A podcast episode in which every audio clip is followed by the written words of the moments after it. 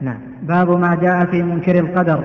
وقال ابن عمر والذي نفس ابن عمر بيده لو كان لأحدهم مثل أحد ذهبا ثم أنفقه في سبيل الله ما قبله الله منه حتى يؤمن بالقدر.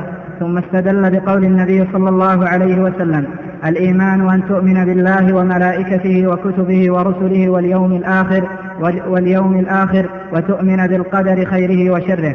وعن عبادة بن الصامت أنه قال لابنه يا بني إنك لن تجد طعم الإيمان حتى تعلم أن ما أصابك لم يكن ليخطئك وما أخطأك لم يكن ليصيبك. سمعت رسول الله صلى الله عليه وسلم يقول إن أول ما خلق الله القلم فقال له اكتب فقال ربي وماذا أكتب؟ قال اكتب مقادير كل شيء حتى تقوم الساعة. يا بني سمعت رسول الله صلى الله عليه وسلم يقول من مات على غير هذا فليس مني.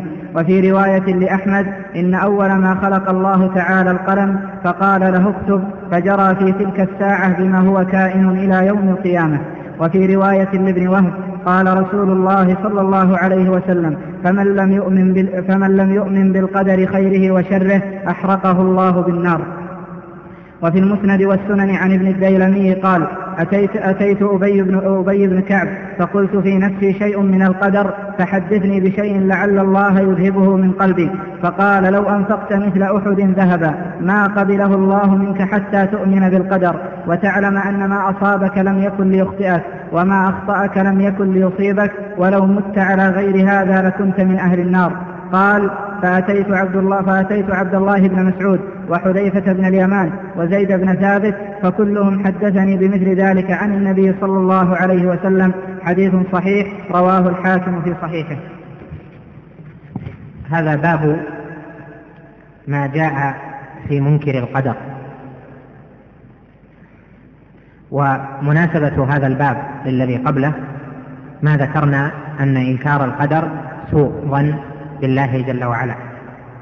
ويكون هذا الباب كالتفصيل لما اشتمل عليه الباب الذي قبله. ومناسبته لكتاب التوحيد ظاهرة وهي أن الإيمان بالقدر واجب ولا يتم توحيد العبد حتى يؤمن بالقدر. وإنكار القدر كفر بالله جل وعلا ينافي أصل التوحيد كما قال ابن عباس رضي الله عنهما القدر نظام التوحيد فمن كذب بالقدر؟ قال القدر نظام التوحيد فمن كذب بالقدر نقض تكذيبه توحيده. يعني القدر هو الإيمان بالقدر هو النظام يعني السلك الذي تجتمع فيه مسائل التوحيد حتى يقوم عقدها في القلب. فإذا كذب بالقدر معنى ذلك انقطع السلك فنقض ذلك التكذيب أمور التوحيد. وهذا ظاهر. فإن أصل الإيمان أن يؤمن بالأركان الستة التي منها الإيمان بالقدر كما ذكر ذلك الشيخ في حديث ابن عمر. قال باب ما جاء في منكر القدر القدر في اللغة هو التقدير كما هو معروف وهو وضع الشيء على نحو ما بما يريده واضعه. قدر الشيء تقديرا وقدرا. وفي العقيدة عرفه بعض أهل العلم بقوله إن القدر هو علم الله السابق بالأشياء وكتابته لها في اللوح المحفوظ وعموم مشيئته جل وعلا وخلقه للأعيان والصفات القائمة بها. وهذا التعريف صحيح. لأنه يشمل مراتب القدر الأربعة فالقدر الإيمان به إيمان بأربع مراتب وهذه المراتب على درجتين الأولى والثانية من المراتب تسبق وقوع المقدر وهي الإيمان بالعلم السابق والإيمان بعموم والإيمان بكتابة الله جل وعلا لعموم الأشياء. كما قال إن الله قدر مقادير الخلق قبل أن يخلق السماوات والأرض بخمسين ألف سنة. قدر مقادير الخلق يعني كتبها. هاتان المرتبتان أو هذان الأمران الإيمان بالعلم السابق والإيمان بالكتابة تسبق وقوع المقدر فأنت تؤمن بها وهي سابقة للوقوع. وأما ما يقارن وقوع المقدر ما يقارن القضاء فهذا له مرتبتان. الأول أو الأولى منهما هي مرتبة عموم المشيئة فإن الله جل وعلا ما شاء كان وما لم يشأ لم يكن والعبد لا يشاء شيئا فيحصل إلا إذا كان الله جل وعلا قد شاء وما تشاءون إلا أن يشاء الله. إن الله كان عزيزا إن الله كان عليما حكيما. وقال وما تشاءون إلا أن يشاء الله رب العالمين. فمشيئة العبد تابعة لمشيئة الله جل وعلا. وكذلك المرتبة الأخيرة التي تقارن وقوع المقدر الإيمان بأن الله جل وعلا خالق لكل شيء للأعيان وللصفات التي تقوم بالأعيان. فالأعيان مثل الذوات هذه الله جل وعلا خالقها. هذا باتفاق أهل الإسلام. يعني الله جل وعلا هو الخالق للإنسان خالق للحيوان الخالق للسماء للأرض. وكذلك الإيمان بأن الصفات التي تقوم بتلك الأعيان الله جل وعلا هو الخالق لها. ومن ذلك أفعال العباد. فأفعال العباد معاني ففعل العبد داخل في عموم خلقه جل وعلا. الله خالق كل شيء. وكلمة شيء عندنا تعرف بأنها ما يصح أن يعلم. فكل ما يصح أن يعلم يقال له شيء. فلهذا نقول يدخل في عموم قوله الله خالق كل شيء العباد وأفعال العباد. فهذه أربع مراتب. إنكار القدر الذي بوب عليه الشيخ رحمه الله يصدق على إنكار أي مرتبة من هذه. أنكر المرتبة الأولى هو منكر أو الثانية هو منكر أو الثالثة أو الرابعة فهو منكر للقدر. ولا يقال عن أحد إنه مؤمن بالقدر إلا إذا سلم بها جميعا وآمن بها جميعا لدلالة النصوص على ذلك. فمنهم من منكر القدر القدرية الغلاة وإذا قيل القدرية يعني نفاة القدر الذين نفوا العلم أنكروا العلم السابق فهم كفار ينافي فعلهم أصل التوحيد. فمن أنكر العلم السابق هذا أنكر القدر إنكارا انتفى معه أصل التوحيد. وكذلك من ينكر الكتابة فإن إنكار الكتابة السابقة مع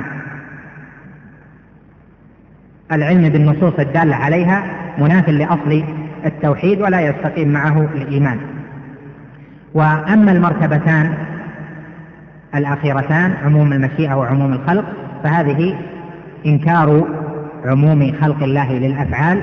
هذا مما جرى من المعتزلة من المعتزلة ونحوهم وبدعوا بذلك وضللوا وجعل إنكارهم لتلك المرتبة ينافي كمال التوحيد ولا يحكم عليهم بالكفر والخروج من الإسلام بذلك. فإذا إنكار القدر صار منه ما هو كفر مخرج من التوحيد مخرج من الملة ومنه ما هو دون ذلك ويكون منافيا لكمال التوحيد. بهذا يظهر صلة هذا الباب بكتاب التوحيد. قال وقال ابن عمر والذي نفس ابن عمر بيده لو كان لأحدهم مثل أحد ذهبا ثم أنفقه في سبيل الله ما قبله الله منه حتى يؤمن بالقدر. لما؟ لأن الله جل وعلا لا يقبل إلا من مسلم. الإسلام شرط في صحة قبول الأعمال ومن أنكر القدر ولم يؤمن بالقدر فإنه لا يقبل منه ولو أنفق مثل أحد ذهبا. ثم استدل بقول النبي صلى الله عليه وسلم الإيمان أن تؤمن بالله وملائكته وكتبه ورسله واليوم الآخر وتؤمن بالقدر خيره وشره. هنا في قوله تؤمن بالقدر خيره وشره القدر منه ما هو خير ومنه ما هو شر. خير بالنسبة لابن آدم وشر بالنسبة لابن آدم. فالمكلف قد يكون عليه قدر هو بالإضافة إليه خير وقد يكون عليه القدر بالإضافة إليه شر. وأما بالنسبة لفعل الله جل وعلا فالله جل وعلا أفعاله كلها خير لأنها موافقة لحكمته العظيمة. فلهذا جاء في الحديث أن النبي صلى الله عليه وسلم قال في ثنائه على ربه والشر ليس إليك. فالله جل وعلا ليس في فعله شر فالشر بما يضاف للعبد. أصيب العبد بمصيبة فهي شر بالنسبة إليه. أما بالنسبة لفعل الله فهي خير لأنها موافقة لحكمة الله جل وعلا البالغة. والله سبحانه وتعالى له الأمر كله. قال وعن عبادة بن الصامت أنه قال لابنه يا بني إنك لن تجد طعم الإيمان حتى تعلم أن ما أصابك لم يكن ليخطئك وما أخطأك لم يكن ليصيبك. وهذا لأن القدر القضاء والقدر قد فرغ منه. يعني تقدير الأمور قد فرغ منه. والله جل وعلا قد قدر الأشياء وقدر أسبابها. فالسبب الذي سيفعله المختار من عباد الله مقدر كما أن نتيجته مقدرة. ومن الإيمان بالقدر الإيمان بأن الله جل وعلا جعلك مختارا وأنك لست مجبورا. فالقول بالجبر مناف للقول بالقدر. يعني القول بالجبر لا يستقيم مع الإيمان بالقدر لأن الإيمان بالقدر إيمان معه الإيمان بأن العبد مختار وليس بمجبر لأن التكليف وقع بذلك. والجبرية طائفتان طائفة غلاة وهم الجهمية وغلاة الصوفية الذين يقولون إن العبد كالريشة في مهب الريح وحركاته حركات اضطرارية ومنهم طائفة ليست بالغلاة وهم الأشاعرة ونحوه ونحوهم الذين يقولون بالجبر في الباطن وبالاختيار في الظاهر ويقولون إن العبد له كسب وهذا الكسب هو أن يكون العبد في الفعل الذي فعله محلا لفعل الله جل وعلا فيفعل به فيكون هو محلا للفعل ويضاف الفعل إليه على جهة الكشف على ما هو معروف في موضعه من التفاصيل في كتب العقيدة المطولة. قال في ذلك ذكر مرتبة الكتابة. سمعت رسول الله صلى الله عليه وسلم يقول إن أول ما خلق الله القلم فقال له اكتب فقال ربي وماذا أكتب؟ قال اكتب مقادير كل شيء حتى تقوم الساعة. هذا فيه دليل على مرتبة الكتابة وقوله إن أول ما خلق الله القلم معناه على الصحيح عند المحققين إنه حين خلق الله القلم. فأول هنا ظرف بمعنى حين وإن اسمها ضمير الشان محذوف. إنه أول ما خلق الله القلم فقال له اكتب. يعني حين خلق الله القلم قال له اكتب. فيكون قول اكتب هذا من جهة الظرفية. يعني حين خلق الله القلم قال له اكتب.